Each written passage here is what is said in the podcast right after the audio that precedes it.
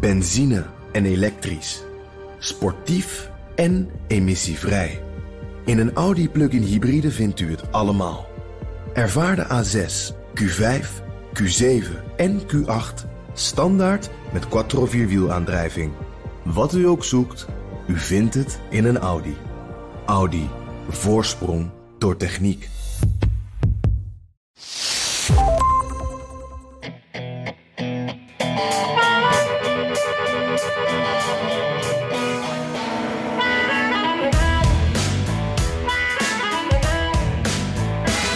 De FBI startte overhaast het onderzoek naar Trump en zijn vermeende banden met Rusland tijdens de verkiezingen van 2016. Dat is de conclusie van het rapport van John Durham. Na vier jaar wachten was het daar dan eindelijk. Republikeinen, Trump voorop, keken hier al heel lang naar uit. En vinden dat ze met dit rapport hun grote gelijk halen. This is the biggest story of maybe in the history of our country, a crime of the century. Maar democraten, die vinden dat rapport een grote flop. He got a plea for a parking ticket.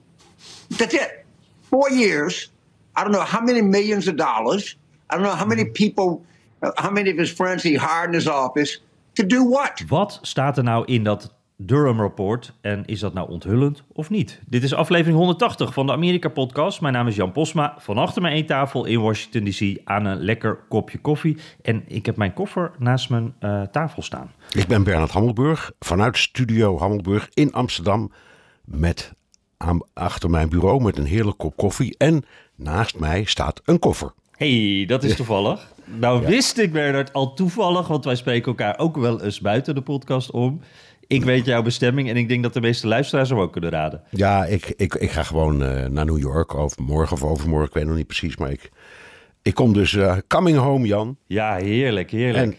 En, ja, en het zal toch niet waar wezen, maar elke keer als ik dat doe, dan neem jij de benen. Wat, wat is hier aan de hand? Vertel. Ja. ja. Ja, ik dacht, hij, komt richting het noorden van Washington, dan ga ik naar het zuiden. Um, ik ga uh, uh, naar Memphis, naar het wereldkampioenschap barbecue. en uh, ja, het, uh, is iets, ik ben echt een barbecue-liefhebber. ik vind het echt fantastisch, Amerikaanse barbecue. Ik probeer ook altijd, als ik ergens ben, dan kijk ik altijd wat is het beste barbecue-restaurant. En dan probeer ik daar even heen te gaan. En ja, je weet hè, barbecue heeft echt een heel bijzondere plek in die Amerikaanse cultuur. Allerlei invloeden van verschillende bevolkingsgroepen komen daarin terug. ook allerlei verschillende stijlen. in welke stad je komt, daar zit, is weer een andere barbecue-stijl. En ze nemen het hier echt heel, heel serieus. Vandaar dus dat WK. En nou, je raadt het al, uh, het heet WK, maar het is vooral natuurlijk een Amerikaans feestje dit, hè? Ja, ja net zoiets als de World Series met de honkbal, hè? Ja, precies. Ja, er zijn vast wel wat buitenlanders, maar het zijn de Amerikanen die daar de dienst uit maken. En het is echt allemaal heel, heel Amerikaans. Ja, dus uh, ik heb er wel zin in. Ja, overigens kunnen het in Afrika ook fantastisch, hè, zoals je weet. In, in Zuid-Afrika heet het een braai. Ja, en dat, heerlijk. Dat, en, ah, dat is ook zo fantastisch. Ja, ja en dat, dat is ook een van de dingen die ik zo interessant vind aan, aan Amerikaanse barbecue. Want daar komen ook weer invloeden van natuurlijk de slaven die uit Afrika zijn gekomen. Uh, die komen dan weer terug in uh, ja, wat nu de Amerikaanse barbecue is. En daar zit een hele, de hele geschiedenis van dat land zit daar ook een beetje in. En dat, uh, ja. Maar wacht even, bestaat er dan zoiets als barbecue soul food? Oh ja, er zijn allerlei van die ja, soort crossovers waarin dat allemaal samenkomt. En, en uh, heel veel uh, barbecue, uh, hoe, hoe dat nu ontstaan is, dat is eigenlijk door, door, door slaven in Amerika ook geperfectioneerd. En daarna toen, toen zwarte Amerikanen wel vrij waren, maar nog steeds arm en niet de dure stukken vlees konden betalen, zeg maar. Er zit een hele ontstaansgeschiedenis aan en die zit ook, ja, die is echt gelinkt aan dat soulfood ook inderdaad. Ja. Ja, zeker. Nou, spannend dus, zeg. Um, lekker en interessant. Ja, en wanneer komt het in de Telegraaf, het verhaal, denk je? Oeh, dat, dat moet ik nog eventjes kijken. Dat ja. moeten we nog even kijken. Moet nou, het eerst maar eens even schrijven. We kijken er naar uit. Dus uh, ja. ja, ik ook, ik ook. hey, en um, ja, laten we eens eventjes naar dat uh, grote nieuws van deze week gaan. Uh, John Durham. Um, ja, ik denk een deel van onze luisteraars, denk het grootste deel, denkt meteen: oh ja, dat is die man van dat onderzoek, van dat rapport. Dus misschien ook wel een groepje luisteraars dat nog denkt van, ja, wie was dat ook alweer precies? Want het, het is een naam die de afgelopen jaren veel voorbij kwam, maar er kwam uiteindelijk weinig nieuws vandaan. Um, we kregen er ook veel vragen over. Hij er werd natuurlijk vier jaar geleden door minister van Justitie Bill Barr aangesteld, onder Trump dus, uh, omdat Rusland uh, onderzoek te onderzoeken eigenlijk. Een onderzoek naar een onderzoek. Uh, laten we het nog even neerzetten, Bernard. Waarom was dat? Nou, dat, het was omdat Trump en de zijnen veronderstelden dat er uh, op zijn minst, uh, hoe moet ik maar zeggen, partijdigheid binnen de FBI ja. was. Uh, gebrek aan professionalisme. Uh, een soort heksenjacht, dat heeft hij ook altijd zo genoemd. Um, en nou ja, zijn, zijn stelling toen was continu no collusion. Ik heb mm -hmm. nooit iets, iets gedaan met uh, Rusland dat niet door de beugel kon. Of uh, dat de, de, openbaarheid niet zou mogen halen of zo. Dus hij had met hand en tand tegen verzet. En hij vond het een klopjacht. Um, en uh, hij heeft dus destijds die Durham aangewezen met de status speciaal aanklager. Um, net zo eigenlijk... Eigenlijk hetzelfde wat Robert Mueller was, hè? Robert Mueller was. En wat Jack Smith nu ook is in die zaak mm -hmm. van de, de documenten in Mar-a-Lago. Um, en dat is dus een functionaris die onderzoek kan doen... Um, ik zou maar zeggen, buiten het gewone gezichtsveld van het departement van justitie, buiten de FBI om, um, zijn hele eigen apparaat mag opzetten en er ook net zo lang over mag doen als hij wil. Uh, los van de vraag of er misschien net een presidentswissel komt. Uh, dus dat heeft uh, Trump op die manier opgelost. En nou, dat heeft dus ook gewerkt. Want die, die meneer Durham is dus doorgegaan toen Trump al weg was en Biden uh, president werd. Mm. Ja, en, en uh, had dus een heel duidelijk doel. Eigenlijk, uh, ja, wat Trump, als hij het over de deep state heeft, dan heeft hij het dus over uh, dit verhaal eigenlijk onder meer. En ja, de verwachtingen waren echt heel hoog gespannen bij Trump supporters over dit rapport.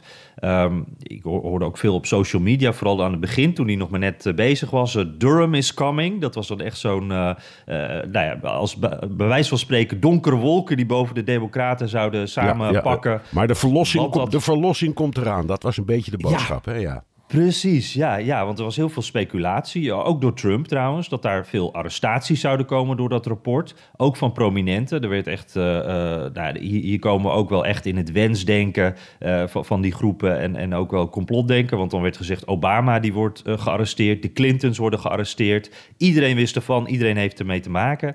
En dit zou dus dat Mueller-rapport ook helemaal onderuit halen. Dit, dit zou eigenlijk de grote ontmaskering worden. Dat is een beetje uh, het verhaal, hè? Wat, wat, in ieder geval de verwachting die geschept werd. Um, Laten we eens even kijken, Bernard, wat er dan in dat rapport stond. Ja. Is er iets wat jou uh, het meeste opviel? Ja, dat er niks in staat. ik weet niet hoe ik het anders moet vaststellen, maar je, je leest het. Nou ja, ik, ik, het, hè, 300 zoveel pagina's, geloof ik. Ja, um, 306. Maar uh, uh, die, die Durham die is gewoon niks tegengekomen. Niks belastends. Nee. Um, um, nou, niks nieuws, hè? Er nou ja, wel belastende nou dingen, ja, maar, maar die wel, wisten we wel. Maar wel verontrustend, omdat hij ook zegt... dat die, die FBI, dat waren een stelletje amateuristische klungelaars... en hij suggereert wel degelijk vooroordelen die daar leefden... Uh, mm-hmm. gebrek aan professionalisme. Nou, dat zijn, vind ik, voor het belangrijkste politie, uh, de po belangrijkste politieorganisatie in de Verenigde Staten. Dat vind ik nogal wat hoor. Mm-hmm. Um, dus uh, dit was eigenlijk, dit gaat veel meer over de FBI dan over Trump of Clinton.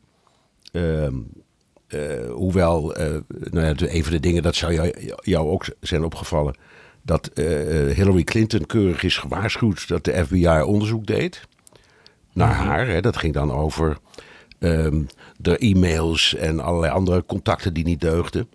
En Trump heeft nooit een waarschuwing gekregen. Die, die, daar bleek gewoon een onderzoek gestart te zijn. En dat is een, een thema, als je het leest, dat Durham wel bevestigt. Hè. Ja, en de, daar zie je dan wel iets in. Uh, ze hebben in ieder geval de twee campagnes verschillend behandeld. En ik denk dan inderdaad de, de, reden dat ze dan Clinton wel waarschuwen en Trump niet. Ja, dat is natuurlijk eigenlijk dat is gewoon niet goed te praten. Uh, als je het zo ziet op, op basis van dit rapport. Dat is echt een verschillende manier van behandelen van twee politieke kanten. Uh, ik, ik denk dat het ook door die ja, die, die tunnelvisie komt, die Durham neerzet. Van, ja, dat die FBI eigenlijk alleen maar kon kijken naar alles wat hun vermoedens bevestigde. Of daar in ieder geval heel erg op gericht waren. Ja. En dat ze dus heel uh, argwanend richting uh, de, de, de Trump-campagne ja, waren. Ja, nou, dus een paar dingen die je daarover kunt zeggen. In de eerste plaats, dat is heel ernstig, omdat in politiewerk, trouwens ook in ons vak, in de journalistiek, je leert dat je een oordeel mag vormen en oordeel mag hebben, misschien zelfs een vooroordeel mag hebben, maar op het moment dat je onderzoek gaat doen, moet je dat vergeten. Dus als je denkt, ik ben het, de, de doopcel aan het lichten van iemand van wie ik vermoed dat hij een misdadiger is, hè, dat doet de politie, dan moet aan het begin van het onderzoek moet je bewijzen met een schone lei beginnen. Uh, dat, dat, dat, dan deugt onderzoek. Je mag dus niet veronderstellen, dat, bijvoorbeeld van, nou ja, die Donald Trump, die, die deugt niet helemaal. Dat is een gegeven. Dus wij gaan bewijs zoeken om dat aan te tonen. Dat mag niet. Dat mag een politieorganisatie nooit doen. En als je hier dit, dit leest, is het wel een beetje zo gegaan.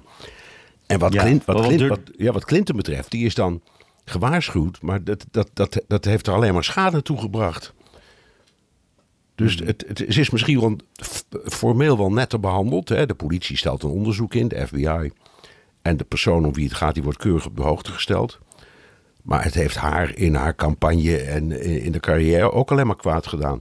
Dus alle, alles wat ik lees in, in dit rapport is, er, er staat niets in wat, waarvan ik denk, hey, wow, dat wist ik helemaal niet. Het is één grote aanklacht tegen de FBI zelf. Uh, Clinton heeft er niets aan gehad. En Trump eigenlijk ook niet. Uh, want het, het, is niet zo dat uh, bijvoorbeeld uh, dat onderzoek van Mueller nou helemaal onderuit wordt gehaald. Daar gaat dit helemaal niet over. Het gaat gewoon over de handelwijze van de organisatie, de FBI zelf. En, uh, wat dan daarbij belangrijk is, want Trump die, die zegt dus dit is de deep state. Hier zit een, uh, een, een, duidelijke gedachte achter. Zij proberen mij uit te schakelen, de FBI. Politieke organisatie eigenlijk, de FBI, die zich tegen mij uh, opstelt. maar als ik jou zo hoor en als ik dit rapport zo lees, dan zie ik vooral een FBI ook... wat jij zegt ook, die aan het klungelen is. Ze volgen hun eigen protocollen niet. Dat zei, zei Durham ook. Dat was een van de grote problemen. Ehm, we hebben ook een FBI-agent gehad die uh, bewijs heeft gemanipuleerd. Ook heel ernstig. Uh, maar we zien dus niet wat Trump beweert, de crime of the century, waar uh, de Clintons en de Obama's en de FBI eigenlijk allemaal samenspannen tegen Trump. Nee, hij zegt dat nu wel, zou ik ook doen als ik hem was. Want ja, hmm. kijk, kijk, objectief gezien heeft hier niemand iets aan, ook Trump niet. Maar als ik Trump was, dan zou ik echt van uh, de, de daken schreeuwen dat ik gewonnen heb. En dat dit mijn gelijk na zoveel jaar bewijst. Dat zou ik absoluut doen. Uh, dat mm. staat weliswaar helemaal niet in dat hij gelijk heeft. Het staat ook niet in dat rapport. Maar de, ik zeg de, de, de, de onderliggende betekenis van de FBI is met een soort van spookonderzoek bezig geweest. Ja, dat is voor Trump vind ik toch wel enige genoegdoening. En ook wel verdiend. Uh, ik kan, kan ja, verdiend? Waarom? Nou, omdat uh, elk moment dat hij riep klopjacht, heksenjacht, uh, vooringenomenheid, uh, die FBI deugt niet, dat is een instrument van links, zal ik maar zeggen. Ja, riep iedereen, nou dat bestaat niet, die FBI die staat boven alle partijen. Um, en nu blijkt dat, het, dat dat niet het geval is. Ik weet niet of hun, hun handelingen nu politiek zijn ingegeven. Maar dat Trump uh, het vreemd als een overwinning, dat, ja, dat, dat, dat, zou ik ook doen als ik hem was. En, en trouwens, trouwens ze spelen meer dingen. Nu net, ik weet niet of je dit hebt gezien, een, een van de headlines van de New York Times. We nemen dit op op, uh, op donderdag. Uh, een van de headlines is dat, er, dat de FBI de, um, het, de vergunningen van drie agenten heeft ingetrokken. Die gaan getuigen voor het congres. Dat waren drie agenten die mee hebben gedaan aan de opstand van 6 januari. En, en, die, ja, en, dat, en het, het, het, Huis van Afgevaardigden, die, die, die commissies die al die dingen onderzoeken, die zitten natuurlijk smullend daarop te wachten. En dus heeft de FBI, denk ik, even een stokje voor gestoken. Zeggen ze mogen in afval uh, hun security clearance, die, mogen, die is ingetrokken. Dus, uh, Hier moet je eventjes, want deze had ik niet uh, meegekregen. Dus dit zijn FBI-agenten die in hun vrije tijd hebben meegedaan aan de bestorming van de Capitool? Ja, oké. En, en, en, in, in die onderzoeken die in, het, in, in het Huis van Afgevaardigden lopen, het zijn er een paar. De bekendste is de, de commissie Justitie onder leiding van die um, fanatieke, zal ik maar zeggen, Jim Jordan. Die trouwens ook... Mhm het, uh, naar mijn idee compleet terecht die meneer Durham heeft opgeroepen. Van kom nog eens precies vertellen waarom je niks hebt gevonden en waarom je vier jaar hebt, hebt gewerkt aan iets dat niets oplevert. Um, maar, dat gaat niet zijn boodschap worden, toch? Jim nee, Jordan nee, nee, die gaat juist de andere kant vertellen. Nee, ja. nee, nee, nee, nee, maar, zo, maar goed, dat, dat, dat natuurlijk wel de inzet. Um, en die drie uh, agenten, die, uh, ja, die worden ervan verdacht dat ze mee hebben gedaan aan die opstand. Uh, die zijn daar ook voor uh, gestraft binnen de FBI. Maar opgeroepen door die commissie om uh, hun verhaal te komen vertellen. Met de bedoeling om aan te geven dat dat helemaal geen, geen poging tot staatsgreep was. Maar gewoon een onschuldig protest van een aantal mensen die vonden dat er iets onrechtvaardigs gebeurde. Waaronder deze drie agenten. dus mm. de, ook hartstikke interessant. levert ook uiteindelijk niks op. Maar ik wou maar zeggen de FBI staat nou bepaald op het ogenblik niet op gunstige wijze in het nieuws. Hè? Dat zeg ik toch heel voorzichtig. -hmm. En ik moet ook wel zeggen, uh, vaak als ik verhalen hoor over de FBI, uh, dan, dan denk ik ook wel van er zijn best wel wat misstanden de afgelopen, nou, in de hele geschiedenis van de FBI eigenlijk ook, maar ook, ook de laatste jaren. Um, tegelijkertijd merk ik ook wel dat bij Republikeinen de FBI ook echt een, een, favoriete tegenstander is geworden. Dankzij Trump natuurlijk. Trump die steeds zegt, zij zijn uh, out to get me. De, de, daar zit ook een... Um, ik vind het heel bizar om te zien, Bernard. We dwalen een beetje af nu, maar... Weet je nog, de, de zomer van George Floyd, dat uh, er democraten waren die zeiden defund the police. Uh, en uh, dat de ja. Republikeinen er heel boos van werden, zeiden en, en, dat ging natuurlijk nooit gebeuren. Maar uh, nu zie je dus Republikeinen, ook congresleden, die zeggen die van die FBI. Ja. En er zijn congresleden die zeggen we moeten de hele FBI uit elkaar halen, ja. afbreken. Ja. Vind ik, ik, toch wel heel opvallend. Ik ook. En ik, en ik, maar er zit toch iets van logica in. Kijk, die, die actie om um, de financiering of de, van de politie te beëindigen, die was omdat ehm, de Republikeinen vonden dat er partijdig werd geoordeeld over de politie. Um, en het was dus in feite een, een, uh, nou ja, een, een, aanval in die zin. Die politie die is een instrument van uh, links. Uh, en dat moet je dus niet meer langer willen financieren. En nu ontstaat er eenzelfde gevoel over de FBI. Ja, dat is ook... Maar nee, dat was even, het was andersom, toch? De Democraten zeiden in de zomer van George Floyd... Van ja, sorry, die, Democraten uh, zeiden, ja, ja. Die, ja. De, die die ja. want, want ze, worden, ze, worden, ze zijn onderdeel ze zijn van... agressief, onderdeel, onderdeel, Ja, precies, onderdeel van de klopjacht op zwarte Amerikanen en andere minderheden. Dus uh, je moet eigenlijk hun... Uh, nou, je moet gewoon zorgen dat ze financieel minder armslag hebben. Dan gebeuren die dingen niet meer. En nu heb je zo'nzelfde beweging eigenlijk tegen de FBI. Niet de eerste keer, Jan. Het was uh, in de tijd van J. Edgar Hoover, die uh, ik geloof 351 jaar directeur van de FBI is geweest. ja. Maar wel heel lang. Eigenlijk vanaf de oprichting um, tot, ik, ik geloof dat hij overleden is. Wanneer was het? In de periode van Clinton of zoiets? Of de, toen is gestopt, maar heel lang gezeten. En ook toen waren er voortdurend verdenkingen over de partijdigheid van eh, de FBI. En achteraf bleek dat er nog wel reden voor was ook. Want die Hoover, die heeft, zich, die heeft bijvoorbeeld stiekem Martin Luther King laten afluisteren. Om te bewijzen dat dat een communist was. En allemaal van dat mhm. soort dingen. Dat kwam allemaal boven. Dus het is niet de eerste keer dat de FBI zelf wordt verdacht van verdacht gedrag. Mm hij is uh, overleden in 72 trouwens, Hoover. Maar, Kijk aan, uh, hij was onder, onder Nixon dan. Ja, ja, ja en heel ja. wat uh, presidenten. En al, die pre en al die presidenten die hij heeft gediend, die sidderden voor hem. Die waren allemaal als mm -hmm. de dood voor Ed, Ed, J. Edgar Hoover. Want ja. die, had, die, had, die, had, die wist van iedereen wist hij te veel, zal ik maar zeggen. Ook van die presidenten. Dus die dacht, oh jee, ik moet me gedijst houden. Maar ik, ik wou maar zeggen, al die jaren door was de FBI ook een beetje verdacht. En nu dus weer. Ja, maar er is daar een, een uh, opvallende uh, omschakeling gaande bij de Republikeinen, die, die de partij van uh, de, de, de gezag, van, van orde, handhaving zijn, maar ondertussen dus zeggen, wacht eventjes, die FBI, dat, moeten we, dat moet helemaal anders.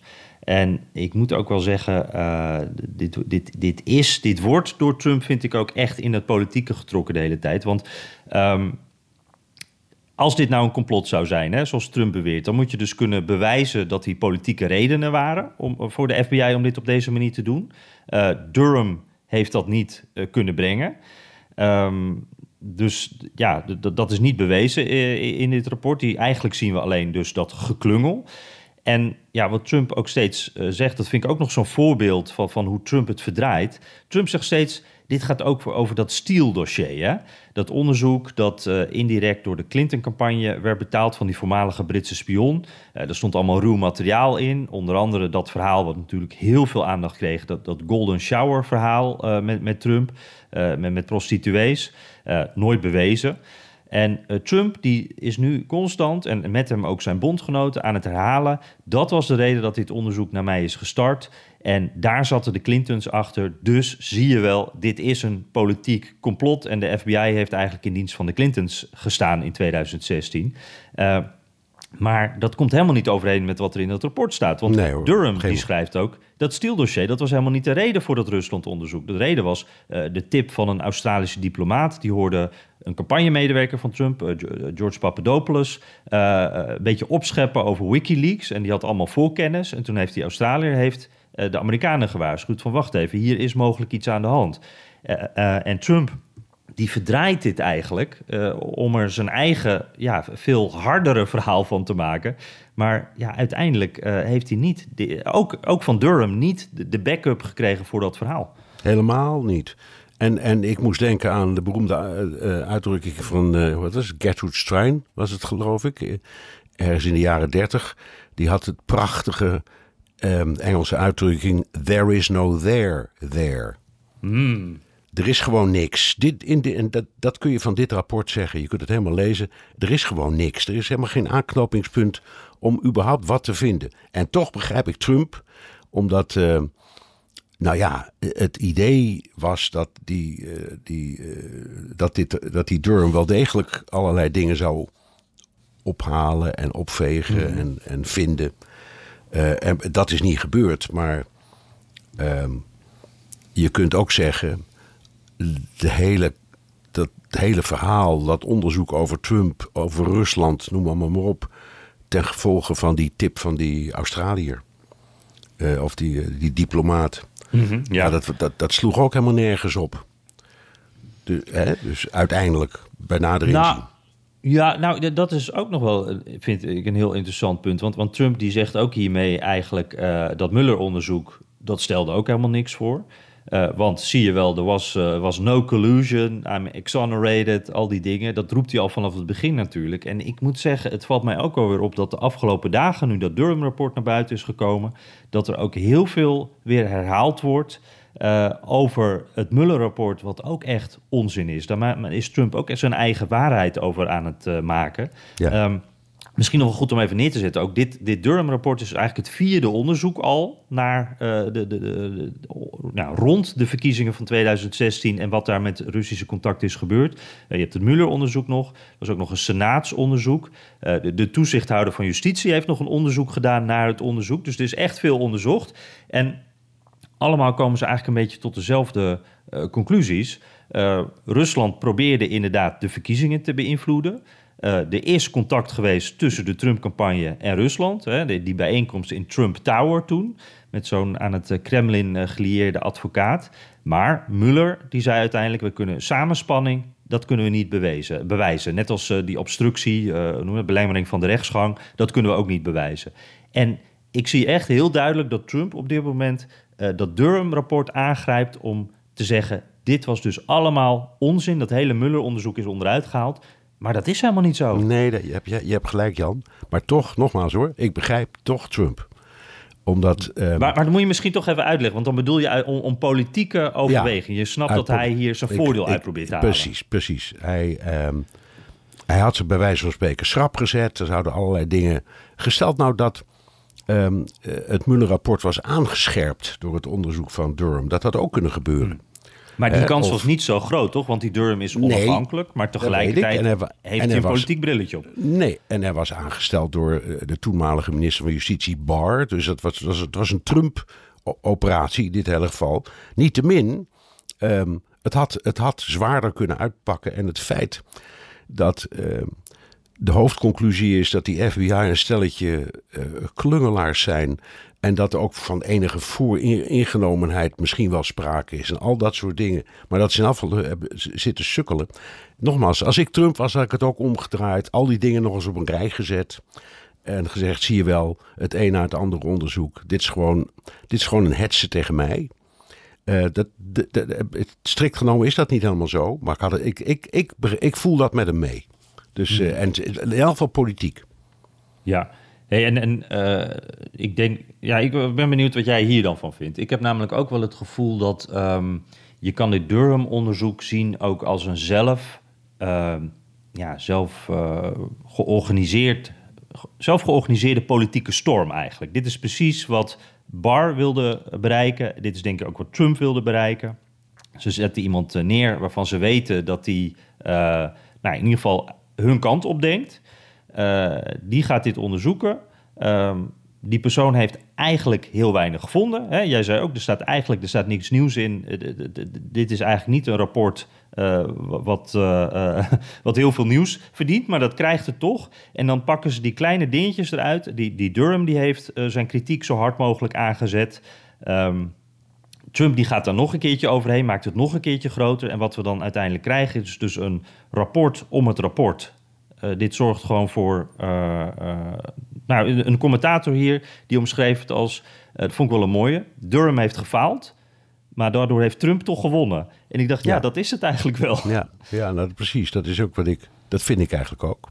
Hmm. Um, en um, kijk, we hebben het nu over het Durham-rapport al die andere rapporten, ook bij, na het Muller-rapport, weet je nog, hoeveel we daar hebben over, over hebben gesproken. Hmm. En ook dat viel uiteindelijk, als ik het zo mag zeggen, reusachtig tegen. Vooral toen, die, toen Muller zelf in die hoorzitting uh, verscheen. En eigenlijk stond te stamelen en op de, de echte kritieke momenten eigenlijk ook geen antwoord had. Mm-hmm. Uh, dus daar ging het net zo mee. En ook toen zag Trump dat, denk ik, terecht toch als een soort van overwinning en dat, dat, zelfs, zelfs na de impeachment, uh, toen werd het, helemaal, werd het een extra overwinning. Datzelfde gevoel probeert hij nu weer boven te halen. Ja. En ik denk dat het in elk geval onder zijn eigen uh, kiezers werkt als een trein. Um, en dat het ook wel een paar wijfelaars over de streep kan trekken. Uh, overigens, de belangrijkste vraag is natuurlijk: waarom heeft iemand vier jaar nodig om te ontdekken dat er niets is? ik denk dat hij van die tijd dat hij de eerste maanden heeft gebruikt om informatie te verzamelen. En dat hij daarna is gaan nadenken van hoe moet ik dit zo zwaar mogelijk neerzetten. Ja, maar het is wel raar hoor. Vier jaar is veel ja, tijd. is heel lang. Ja, en, en want dat, dat is ook nog wel even, dat hebben we een beetje overgeslagen. Maar um, Trump die zegt dus steeds crime of the century. Uh, maar als je dan kijkt naar wat dit heeft opgeleverd qua arrestaties. Um, dat is ook wel saillant en ook wel pijnlijk voor, voor Durham, denk ik. Want uiteindelijk zijn er maar uh, drie vervolgingen geweest. Uh, Durham heeft twee zaken uh, ja, verloren voor de rechter, zullen we maar zeggen. Vrijspraak. Ja, ja. En er was dus één FBI-agent die werd veroordeeld omdat hij bewijsmateriaal had aangepast. Wat echt wel iets ernstigs is natuurlijk. Maar tegelijkertijd, ja, dit, dit is dan het schamele lijstje. Eén, één persoon. Ik dacht dat het ook een voorwaardelijke straf was die die persoon heeft gekregen. Uh, en, en, dat was volgens mij ook nog zelfs een zaak waar justitie al mee bezig was. Dus Durham heeft het niet eens boven water gekregen. Dus nee. ja, dit is dan toch niet echt waar je op hoopt van tevoren als uh, uh, Nogmaals, na vier jaar, ik vind het ja. Ja, ja. oké. Hey, en, nou. en moeten we tenslotte nog eventjes toch ook vooruitkijken, want dat Durham-rapport is nu een ding. Uh, ik merk wel dat het echt uh, enorm wordt gebruikt door republikeinen. Die, ik hoorde iemand zeggen Tuberville, uh, zo'n republikeinse senator uh, is dat. En echt best wel een, een, een houtdegen. Die zei iets van, ik lach erom, maar het is eigenlijk heel triest. Die zei van, nou ja, als hier niet arrestaties op gaan volgen op dit onderzoek... dan moeten we als Amerikaans volk zeggen... we gaan niet meer naar de stembus de volgende keer, geen verkiezingen meer. Dan hoeft het allemaal niet meer, dan geloven we het niet meer. dat is hoe hard erover gepraat wordt. Dit was op Fox News. Um, en tegelijkertijd zie je dan dus ja, wat er in zo'n rapport staat. En die twee dingen komen niet overeen. Uh, maar dat zegt denk ik iets over wat voor rol dit ook de komende tijd nog gaat spelen. En ja, eh, we weten van Trump, hè, die laatste town hall meeting, dan was hij ook aan het teruggrijpen op, op verkiezingsfraude. Al die dingen die volgens hem zijn gebeurd, maar waar geen bewijs voor is. Ik, deze gaan we ook nog wel flink wat horen uh, in de verkiezingen, denk je niet? ongetwijfeld, ongetwijfeld. En het wordt, het wordt onderdeel van het refrein dat Trump bij al die grote rallies zal gebruiken. Hè, er mm -hmm. komt een lijstje, een, een, een lijst um, van um, vreselijke dingen die hem zijn aangedaan hetses en het, het, stelen van de verkiezingen. Ook dat gaat nooit weg, dat blijft hij herhalen. En daarin komt, komt dit ook. Um, op het lijstje. En ik, ik, ik denk dat het ja, in de setting van een verkiezingscampagne ook nog werkt als een trein. En dan, maar goed, er zijn nu geen verkiezingen, hè, dat zeggen we. Mm, uh, ja, vaak. we kijken er al naar vooruit, maar uh, ja, we zijn er, er zijn, er zijn nu geen verkiezingen en we moeten nog zien hoe dat het zich allemaal uh, ontwikkelt. En, maar daar komen we nog wel even over te spreken, denk ik. Um, de andere onderzoeken die naar Trump lopen zijn er nog niet af. En misschien wel veel ernstiger dan deze hele kwestie. Mm -hmm. Ja, dat zou wel eens uh, overschaduwd uh, kunnen worden. Het is de, daarnaast ook wel interessant, want jij hebt al een paar voorbeeldjes nu genoemd ook, waarbij Trump eigenlijk als een soort stoomwals uh, met, met zijn PR-kracht over die onderzoeken heen gaat. het Rusland-onderzoek, de, de, de, impeachment, nu dat Durham-onderzoek, waar hij ook helemaal zijn eigen kant de, eruit ja, haalt. Ja, dat ja, lijkt dus en, te werken. En het proces, en het proces van, die, over die verkrachting of aanranding. Ja, uh, Gene Carroll. Ja. Gene Carroll, waarvan, waarvan, hij zelf waarvan hij zegt: ik, ik, heb, ik ken die vrouw helemaal niet. Dat blijft hij ook gewoon volhouden. Ja, en, en dat zijn dingen, nou ja, dan denk ik ook aan de onderzoeken en, en de uitslagen daarvan die nog gaan komen. Uh, nou ja, dan, dan weten we wel een beetje wat ons te wachten staat. Ja, ja. Oké, okay, Jan. Um, goed moment om de Amerika-podcast even te onderbreken voor een mededeling. Benzine en elektrisch sportief en emissievrij. In een Audi plug-in hybride vindt u het allemaal. Ervaar de A6, Q5, Q7 en Q8 standaard met quattro vierwielaandrijving. Wat u ook zoekt, u vindt het in een Audi. Audi. Voorsprong door techniek. Jan, zullen we naar de luisteraars vragen? Ja. Ja, die zijn welkom via de mail of uh, de Amerika Podcast WhatsApp. Daar kun je je vraag ook of, je, of opmerking ook inspreken. Het nummer is 06 28 13 5020. Ja, en laten we meteen eens even beginnen met zo'n audiovraag. Die kwam van ver, uit Santiago. En uh, wij kennen hem, Bernard. Want uh, de, weet je nog dat we... Uh, we hebben wel vaker een, een, vragen gehad van een New Yorkse arts, Jan ja. Bakker. Ik heb hem ook nog, ja. nog eens geïnterviewd over corona en zijn werk daar in New York. Hij heeft een hele leuke vraag. Beste Jan en Bernard, CNN heeft heel veel kritiek gekregen over de town hall meeting met Donald Trump. Ik vraag me echter af of er niet een tweede doel in deze meeting zou kunnen zijn voor CNN. Want eigenlijk hebben ze me een platform gegeven om opnieuw heel veel leugens te vertellen, maar ook opnieuw um, de special counsel heel veel uh, materiaal te geven uh, voor uh, vervolging. Ook heeft hij opnieuw E.T. Carroll uh, beledigd, waarvoor hij eigenlijk net veroordeeld was. Uh, zullen ze natuurlijk nooit in publiek toegeven, maar ben benieuwd naar jullie mening. Groeten, Jan Bakker vanuit Santiago. Ja, eigenlijk even kort samengevat. probeerde CNN toch Trump een beetje in de val te lokken met die town hall. En ik denk dan bij mezelf, ja, want elke keer als Trump zijn mond opentrekt, dan levert dat, dat, dan houden zijn advocaten even de adem in. Um, maar wat denk je, zou, zou CNN daar zo'n motief bij hebben gehad? Of ja, is toch gewoon het geld en de kijkcijfers? Ja, dat laatste natuurlijk. dat is waar het allemaal om draait. Geld en kijkcijfers. En wat dat betreft heeft het ook prima gewerkt. um, en uh, ja, ik, ik zou maar zeggen, scrupules hadden ze niet. Je, als je het positief uitlegt, dan kun je ook zeggen: waarom zou het een, een station of een netwerk of een uh, ja, kabelstation. Uh, waar Trump voortdurend mee de degens mee heeft gekruist, hem niet eens de gelegenheid geven om zelf zijn verhaal te komen vertellen. Onder leiding van een, een, een, een, een, een zeer professionele journalist. Mm. Dat kan. Dan zeg, uh, we horen nou, we, we, we, hebben zoveel jaar eigenlijk gefulmineerd tegen die man. Nou mag hij zelf ook bij ons eens. Dus dat kan ook. Je hoeft, het hoeft niet allemaal zo cynisch en negatief te zijn. Maar het, het leidmotief in al dit soort dingen, dat geldt ook voor Fox. En de manier waarop ze zich nu ontworstelen aan de problemen. Ik weet niet of je dat net hebt gevolgd, maar uh, Sean Hannity krijgt nu het slot van uh, Tucker Carlson. Ja. En, en, en Laura Ingram verdwijnt misschien of verdwijnt misschien niet. Dat is nog niet helemaal duidelijk. Maar goed, Fox is ook bezig om te zorgen dat de kijkdichtheid weer wordt ge, uh, gegarandeerd. En dat doet CNN ook en dat doet MSNBC ook. Dat is natuurlijk iets wat die kabelnieuwsstations voortdurend doen. Um, en in, dat kan best in het kader daarvan hebben gepast.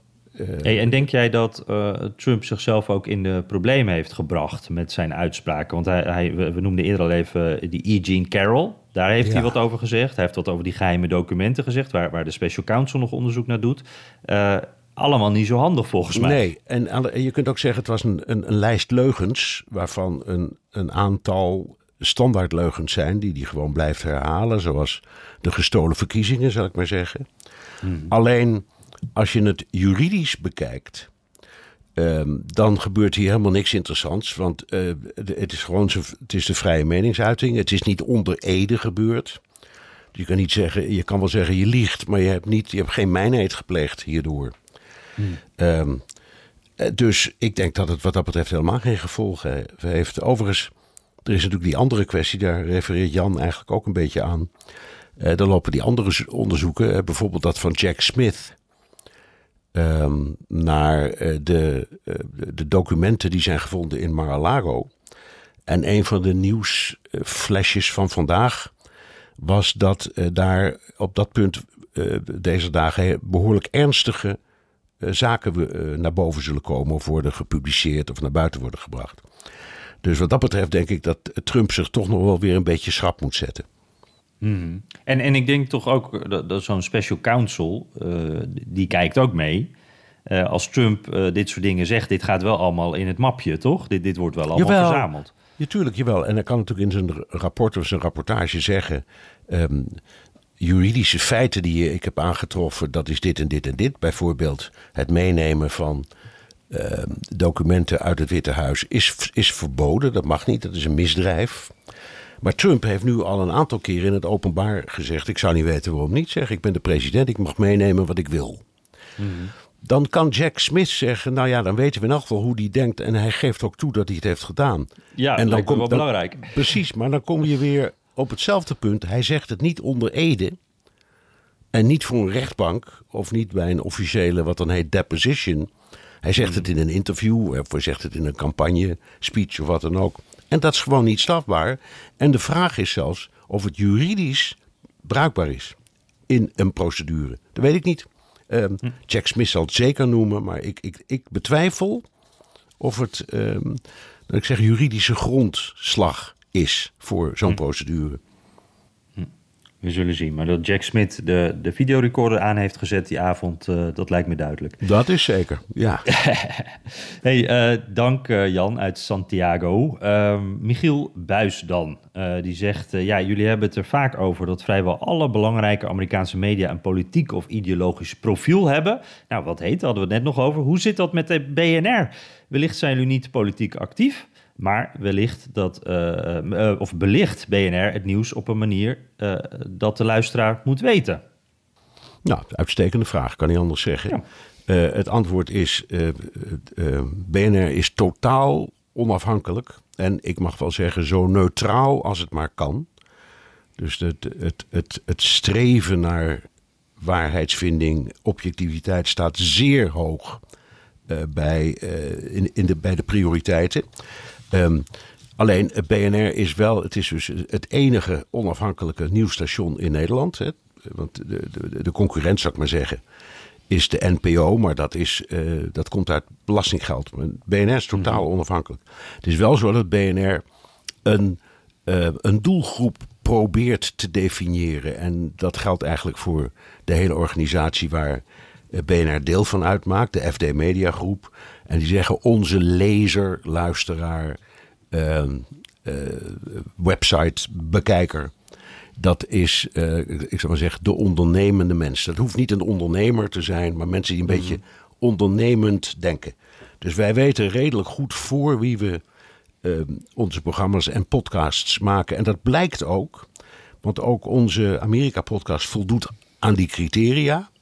Um, en we zien aan reacties, ook zoals van Michiel, dat het, de, de, de, die komen van het soort mensen waarvan we denken: ja, dat is nu precies voor wie wij dit hebben bedoeld. Hm. Dus dat zou je, je kunnen dan zeggen. het feit dat Michiel hierover nadenkt en deze vraag stelt, geeft al ja, aan dat ja, hij dat betekent is dat die, hij eh, behoort ja. bij precies, precies bij de groep behoort waarvan wij hopen dat die naar onze programma's en podcasts luisteren. Maar er zit geen, politiek, eh, geen pi- politieke ideologie achter. Integendeel, ehm, ik zou ook van de meeste collega's niet weten eh, wat ze stemmen. Ik noem maar niet dat dat een geheim is, maar zelfs bij verkiezingen hoor je zelden of nooit een intern daar een discussie over. Eh, dan, dan is het altijd van laten we iedereen wel voldoende aan het woord. En komen ze allemaal wel aan het trekken. Zijn we wel eerlijk in het verdelen van de tijd tussen alle kandidaten. Dat bedoel, dus, dus nee hoor.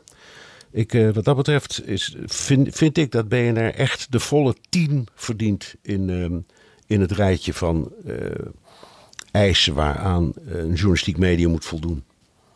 Zo, dat is er nog alleen. Maar ja, goed, dat zeggen we over onszelf. Dus eh, Ja. als mensen daaraan twijfelen, mag dat ook natuurlijk. Hey, en ik Ja. denk ook nog wel, eh, eh, wat ook wel belangrijk is om te noemen... want ik hoor mensen vaak op social media van... oh, je, je krijgt vast opdrachten van boven... dat je dit en dat niet mag schrijven of, of mag vertellen. Ik heb dat echt nog nooit gehad. Eh, ik denk jij ook niet, Bernard. En we hebben gewoon een heel duidelijk redactiestatuut. Hè? Dus we zijn ook onafhankelijk, kunnen ons werk doen. En daar worden we niet in... eh, gestuurd. Nee, de hoofdredacteur is verantwoordelijk en mag ingrijpen als hij dat wil. Dus die kan bijvoorbeeld op een bepaald moment zeggen: Ik, ik luister naar jullie eh, Amerika-podcast, maar ik vind eigenlijk dat het om die of die redenen niet kan of niet uitgezonden kan worden. Dat mag. Het is nog nooit gebeurd bij mijn weten. En dingen die worden tegengehouden, verboden, herschreven op, op verzoek van de hoofdredactie, heb, heb ik nog nooit van gehoord. Maar het redactiestatuut zegt de kwesties die spelen en de, de, de koers die je vaart, eh, de, de manier waarop je je werk doet, is een kwestie van de hoofdredacteur en de redactie. En daar mag verder niemand zich mee bemoeien, ook de eigenaar niet. Eh, de eigenaar is de FD Media Groep. Ehm, en die mag wel belangstellend eh, luisteren, maar die mag dus niet aan ons vertellen wat wel of niet mag. En zich niet bemoeien met de inhoud van onze programma's. Dat geldt overigens voor elke journalistieke organisatie hoor. Ja, Ehm, ja precies. Dat heeft Onafhankelijke journalistieke organisaties hebben allemaal een redactiestatuut. Ja. Oké. Hey, eh, dank voor die vraag in ieder geval. Eh Christian eh, Daamsdan, die zegt... ja, ehm, vanuit Nederland kijken mensen soms toch wat meewarig... naar dingen die in de VS slechter zijn dan hier in Nederland. Zorg, arbeidsvoorwaarden, dat soort dingen. Maar zijn er nu ook dingen waarvan je zegt... daar kan Nederland echt een voorbeeld nemen aan de VS? En die groeten van hem, van Christian, komen uit Engeland... Dus eh, eh, hij bekijkt het ook vanuit eh, het buitenland. Wat, wat kunnen wij nou een voorbeeld aannemen van die Amerikanen? Nou ja, ja, wil jij er een noemen of zal ik er een noemen? Nou, ik vind zelf de manier waarop ehm, de verantwoordelijkheid bij zichzelf wordt gezocht, dat vind ik wel mooi. Het is me echt meer gaan opvallen sinds ik hier in Amerika zit, hoe we in Nederland toch wel makkelijk naar de overheid kijken als er iets is. En dat eh, Amerikanen, ook gedwongen trouwens, hè, want de overheid is er hier lang niet altijd, dan toch meer naar zichzelf kijken. Van hé, hey, eh, mijn huis staat onder water, ik ga het regelen. En eh, nou ja, ik, ik, ik hoor vanuit Nederland, ik doe het zelf ook, denk ik toch heel gauw van, oh, de overheid moet dat maar doen. Ja. En ik vind het heel knap hoe ze hier gezamenlijk dan toch ineens, zo'n individualistisch land, maar dat ze dan toch gezamenlijk tot oplossingen komen zonder die overheid. Ja, dat komt natuurlijk ook omdat die overheid erg simpelweg niet is en dat soort Ja, steun niet geeft. Dus het, is, het heeft een negatieve en een voor, positieve kant, maar de- ik haak daar toch op in. Ik vind het gevoel voor ondernemen, en dan bedoel ik het niet in zakelijke zin, maar gewoon je handen uit je mouwen steken. ehm, eh, moeite doen om, om eh, aan het werk te zijn en te blijven. Genoegen te scheppen in je werk. eh, je sociaal in te spannen. eh, bezig te zijn met anderen. Dat zijn dingen die in Amerika wel heel sterk zijn ontwikkeld. Ik vind eh, de, ja, de manier waarop, vo- vooral in kleinere gemeenschappen, in dorpen en zo, waarop mensen voor elkaar zorgen, vaak hartverwarmend. Ehm, en ik vind, ja, het, zeggen de, de ondernemingszin van de Amerikaan. Ik moet aan de slag. De meeste Amerikanen beschouwen zich ook als ZZP'er. Ook als ze in dienst zijn van het bedrijf. Dan hebben voor hun gevoel zijn ze ondernemer en werken ze als, eigenlijk als individu, individu voor een bedrijf. Ehm, ook, ook als ze ja, gewoon de, de, sociale voorzieningen hebben. Dus dat zit er heel erg in. Ik vind het een leuke eigenschap. En tenslotte zeggen we vaak, het zijn optimisten. Hm. Amerikanen zijn optimisten. En ook dat vind ik een mooie eigenschap. Ja, vind ik ook. Ja, zeker. Dus, dus dat, ja, dat zijn allemaal mooie dingen. Ik, ik heb tegelijkertijd ook wel, want Christian vraagt om, om, positieve dingen. Maar ik, in veel opzichten denk ik toch ook wel van... Uh, ik ben blij met hoe het in Nederland is geregeld. Oh, Laten we dat vooral niet op de Amerikaanse manier doen. Nee, zeker niet. Natuurlijk niet. Want in, Nederland, uh, in Nederland ben je veel veiliger. Ja, precies. Ja. Um, Jeroen Huisens, dan ja, ook een eh, vriend van de show. Uh, maakt zelf ook een mooie podcast. Hè? Uh, deze keer uh, geen vraag, maar een tip. De nieuwe trailer van de film Oppenheimer van regisseur Christopher Nolan. Deze zomer in de bioscoop. De trailer geeft mij koude rillingen en je wordt er stil van. Ga die trailer zeker even kijken. Misschien al een mooi moment voor jullie luisteraar om al iets meer over de vader van de E-bomb, de atoombom, te vertellen. Ik ja. ben heel benieuwd naar deze film, Bernd. Het was ja. inderdaad een hele mooie trailer. Ik zag zijn brief en ik heb naar de trailer gekeken. Jij dus ook. Um, ik ben ook benieuwd naar die film. En dat is ook, ja, het hele verhaal van dat Manhattan Project, dat is zo spannend. Dus ik ben benieuwd naar de film. Ja, dat is al een film inderdaad, uh, dat verhaal. Ja. Uh, dus uh, dank voor deze tip in ieder geval, Jeroen. En ik ben benieuwd of daar nog bijzondere filmlocaties in zitten... die jij in jouw podcast nog gaat bespreken. Want daar gaat zijn podcast over, de podcast van Jeroen. Hey, Ricardo Trinidad... Um, die volgt ons met uh, veel plezier, gelukkig. Uh, hij luistert uh, graag tijdens het koken of wandelen met mijn hond in het altijd zonnige Amsterdam-West. Uh, dat is mij ook goed bekend, die buurt, jou ook denk ik. Ehm, mijn vraag gaat over het volgende. Rechter Clarence Thomas van de Supreme Court. Zijn situatie lijkt steeds meer kenmerken te vertonen van ouderwetse omkoperij. Wat is daaraan te doen en aan wie is eigenlijk een lid van de Supreme Court verantwoording verschuldigd? Ja, een goede vraag, hè, want daar loopt een enorme discussie over. En er, zijn, um, er is ook aan um, de president van het Hof gevraagd of hij wil komen getuigen voor het uh, congres om uit te leggen hoe, ja. dat eigenlijk, hoe dat toezicht eigenlijk is geregeld. Het antwoord is, naar mijn idee, er is geen hoger orgaan dan het Hoge Rechtshof. Ze zijn onafhankelijk. Dat is bij ons denk ik ook zo. Ik denk dat uh, niemand de Hoge Raad op de vingers kan tikken. Maar wat er hier gebeurt met Clarence Thomas, ja, ik ben het er helemaal mee eens. Het is gewoon, die, die, die, die leeft voor een deel op de zak van een sponsor. En die verzorgt uh, prachtige reizen in privéjets. En die betaalt allerlei dingen voor hem. Um, en naar mijn idee is dat allemaal, dat mag allemaal niet. Uh, dat mag geen enkele ambtenaar. En zeker niet iemand in die, in die positie. Dus ik ben ook heel benieuwd hoe die zaak gaat aflopen. Um, maar ja, uh, het, of, of die hoorzittingen er komen, weet jij dat? Heb jij dat nog verder kunnen volgen? Ja, nee, volgens mij gaat dat niet gebeuren. Want volgens mij uh, heeft die, uh, die, die Roberts al gezegd, dat ga ik niet doen. Want scheiding van de macht. ja. Nou ja, valt ook wat voor te zeggen natuurlijk. Maar wat, het, ja, wat wel echt verontrustend is, uh, eigenlijk komt het er een beetje op neer, volgens mij, dat niemand deze uh, Clarence Thomas echt op de, de vingers kan tikken. En dat dit, hij is een heel conservatieve rechter, uh, dat dit dus ook in conservatieve kringen zo'n politiek onderwerp is waar eigenlijk niet over gepraat kan worden. Die zeggen meteen, hey, dit is een aanval op Clarence Thomas. Dit zijn de democraten die proberen een van onze rechters onderuit te halen. nou ja, dit klinkt heel erg als het, wat Trump altijd vertelt. Hè? En ja, ja en volgens mij gaat het hier dan een beetje vastlopen. Want er zijn inderdaad allerlei dingen naar boven gebracht. Daar schrik je echt van als je dat hoort. Dan denk je echt van, nou, weet je, dat in Washington veel van dit soort dingen gebeuren, dat weten we, is, is ook heel erg. En, en, en uh, ja, ook verontrustend. Maar dat het juist bij een, een lid van de Supreme Court gebeurt, ja, ze die ja. al niet meer kunnen vertrouwen. Ja, en het gaat ook niet over een paar dubbeltjes. Hè. Het gaat echt over tonnen in de loop van de jaren. Die, uh, die vanuit uh, die sponsor naar Thomas zijn toegeschoven. En er is ook een heel schandaal over de vrouw van Clarence Thomas. Want dat is een Trump, Trumpistische activiste. Nou kun je zeggen, ja dat mag. Uh, vrijheid, -hmm. blijheid. En zijn vrouw heeft niks te maken met hem. Maar het, het, de totale mix smaakt niet lekker. Nee, precies. Die Ginny Thomas die is inderdaad ook in, in opspraak. Ook, ook in combinatie met 6 januari. Ja. Uh, die schijnt in allerlei complottheorieën te geloven. En wat voor invloed heeft zo'n vrouw dan op haar man in, in zo'n geval? Um, ja, het, dit zijn allemaal van die dingen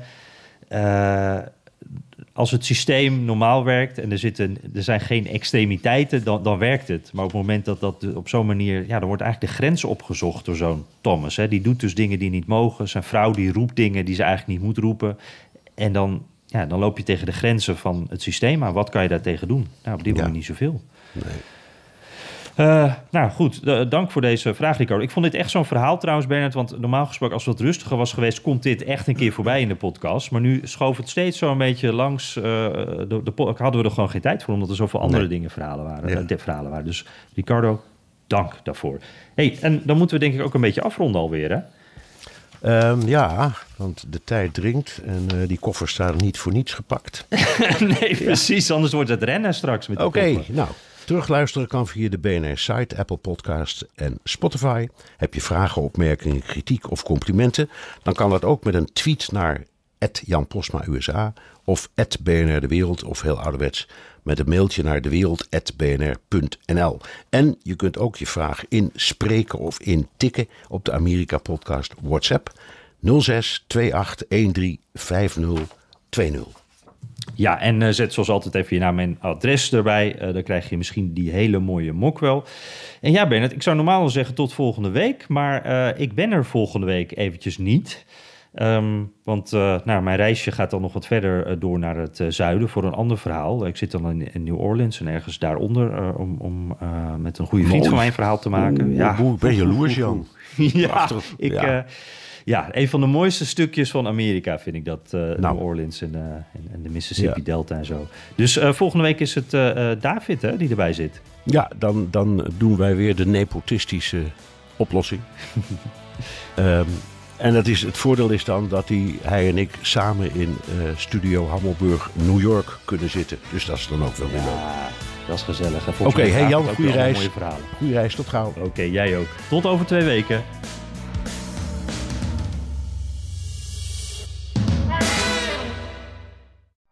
Benzine en elektrisch. Sportief en emissievrij. In een Audi plug-in hybride vindt u het allemaal. Ervaar de A6, Q5, Q7 en Q8 standaard met quattro vierwielaandrijving. Wat u ook zoekt, u vindt het in een Audi. Audi. Voorsprong door techniek.